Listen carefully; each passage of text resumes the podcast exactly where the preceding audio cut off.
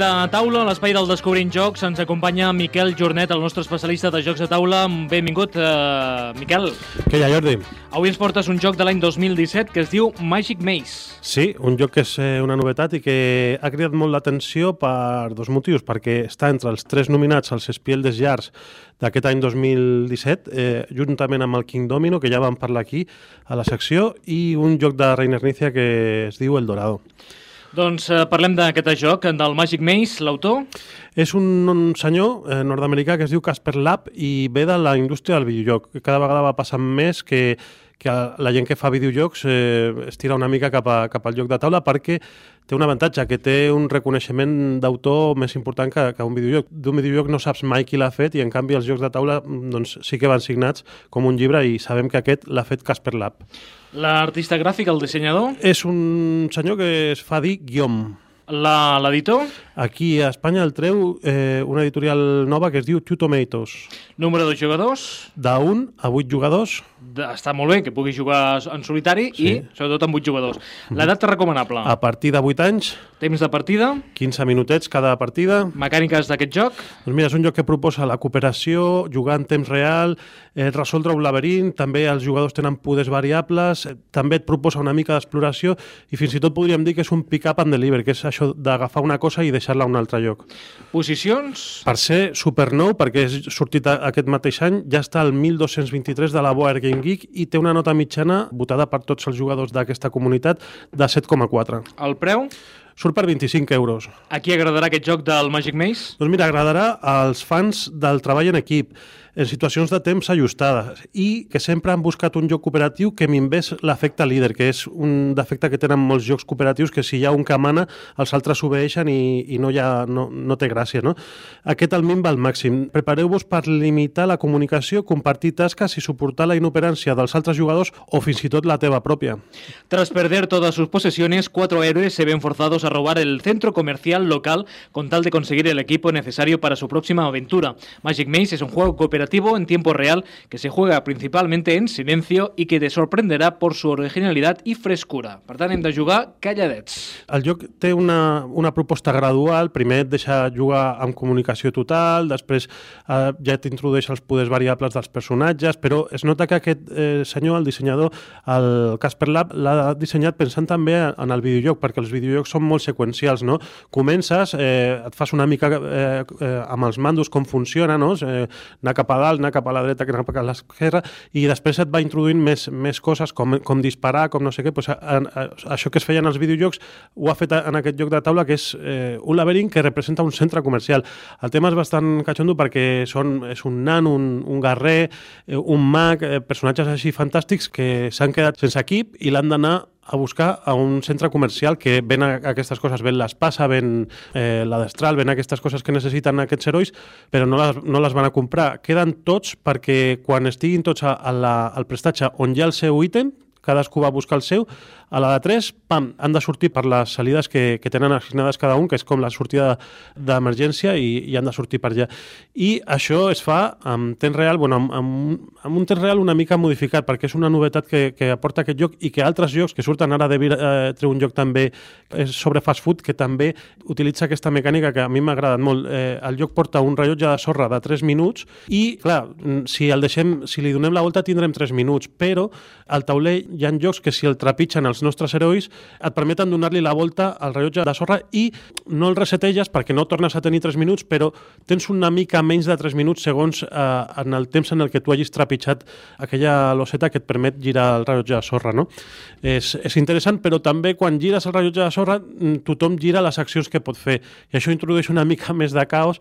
També hi ha situacions que no pots parlar, eh, amb el joc més avançat no pots parlar fins que eh, no, no es dona l'oportunitat, que és quan es gira justament el rellotge o quan un personatge, el personatge a veure, arriba a una ubicació de, de buscar. No? I l'exploració també és bastant xula. Amb molt poques losetes et, et genera aquesta situació de, de buscar. També, tot i que és un joc bidimensional, eh, sí que et dona a vegades la sensació de, de tres dimensions perquè hi ha escales del centre comercial i hi ha una habilitat que és pujar i baixar escales del centre comercial que només la té un i és un joc d'aquells que jo dic de team building, no? que, que això, això, per exemple, una empresa eh, a una selecció de personal ens ho faria a un grup de gent eh, per veure eh, les habilitats no? que tenim i de lideratges, eh, de convicció, però aquí, eh, perquè l'efecte líder Mimbi et, et treu la comunicació i hi ha una, una mecànica graciosa que hi ha un peó de fusta gran que quan tu creus que un altre jugador ha de fer una cosa, mm, eh, el pots mirar fixament i si no s'entera, li pots posar el peó de color vermell aquest gran a, al seu lloc, com dir-li, ep, et toca a tu fer una cosa, perquè és una mica de, de combinar accions. Jo faig unes coses, tu fas unes altres, jo busco, jo giro cap a l'esquerra, tu gires cap a la dreta, un puja cap a dalt, un altre cap a baix, i jugar en solitari és, és superestressant. A mi em resulta bastant difícil jugar en solitari perquè has de ciclar totes les accions, has, has, has, te les poses totes seguides i, i és bastant estressant. T'has d'organitzar prou bé i fins i tot els escenaris que proposa ja més avançats, per a mi en solitari ara mateix serien impossibles, però sí que crec que és un joc que vas agafant destressa a mesura que vas jugant més partides i jo crec que per aquí es, es pot salvar. Eh, és un joc que ha cridat molt l'atenció, per això, perquè, perquè és el primer joc d'aquest autor i amb el seu primer lloc ja està nominat a, a uns premis internacionals com les Piel de Jares i la veritat és que el tema i les mecàniques i tal, quan es, es juguen en, en convencions de llocs allà als Estats Units o, o en fires aquí, eh, crida molt l'atenció perquè veus a la gent molt nerviosa, fins i tot des d'aquells jocs que quan els jugues et poses de peu perquè pels nervis, no? per, per aquesta emoció que, que tenim i quan un ha de fer coses i no d'allò, pues et desesperes i, i li crides l'atenció amb el peu aquell o el mires fixament a veure si s'adona compte de que ell ha de moure allò eh, i, i està prou bé, la veritat. Doncs jugarem aquest joc del Magic Man Maze i sobretot jugarem en aquest eh, centre comercial, agafarem algun d'aquests uh, personatges i a més és un joc on podem guanyar tots. O perdem o, tots o, o guanyem tots. Exacte, exacte, sí, sí, sí. I amb molt poques lucetes eh, et dona configuracions de centre comercial eh, prou diferents, perquè, clar, depèn de, de com van sortint, has d'esperar que t'arribin on, on hi ha els objectes, també has de gestionar molt bé quan trepitges i qui s'espera per trepitjar dels quatre herois que, que juguen, perquè sempre es juga amb els quatre herois, eh? juguin els jugadors que juguin, sempre tenim els quatre peons donant la volteta pel centre comercial i cadascú porta tots, o sigui, que, que no, no és que s'assigna un color a un jugador com el típic eh, parxís, o sigui, ja, ja estan canviant moltes convencions aquí, no?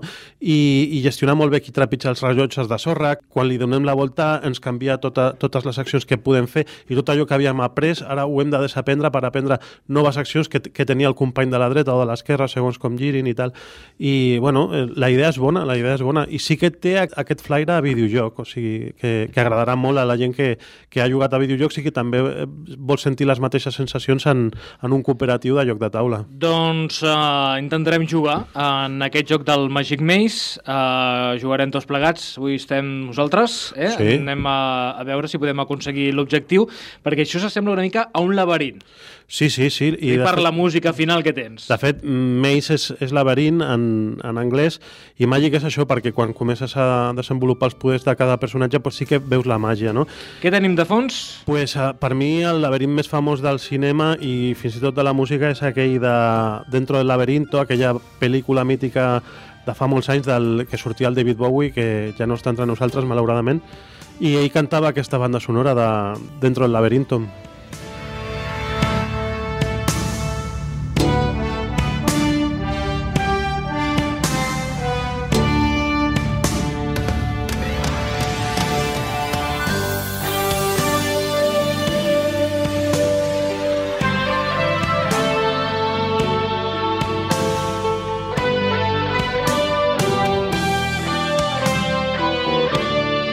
Com sempre, el Miquel Jornet, al finalitzar l'espai del Descobrint Jocs, ens busca una cançó més o menys relacionada amb el joc de taula. Avui és el Magic Maze. Uh, Miquel, fins la propera. Vinga, ens veiem, Ara Jordi. que esteu escoltant el ah, David Bowie, eh? Sí. De fons. Lost and lonely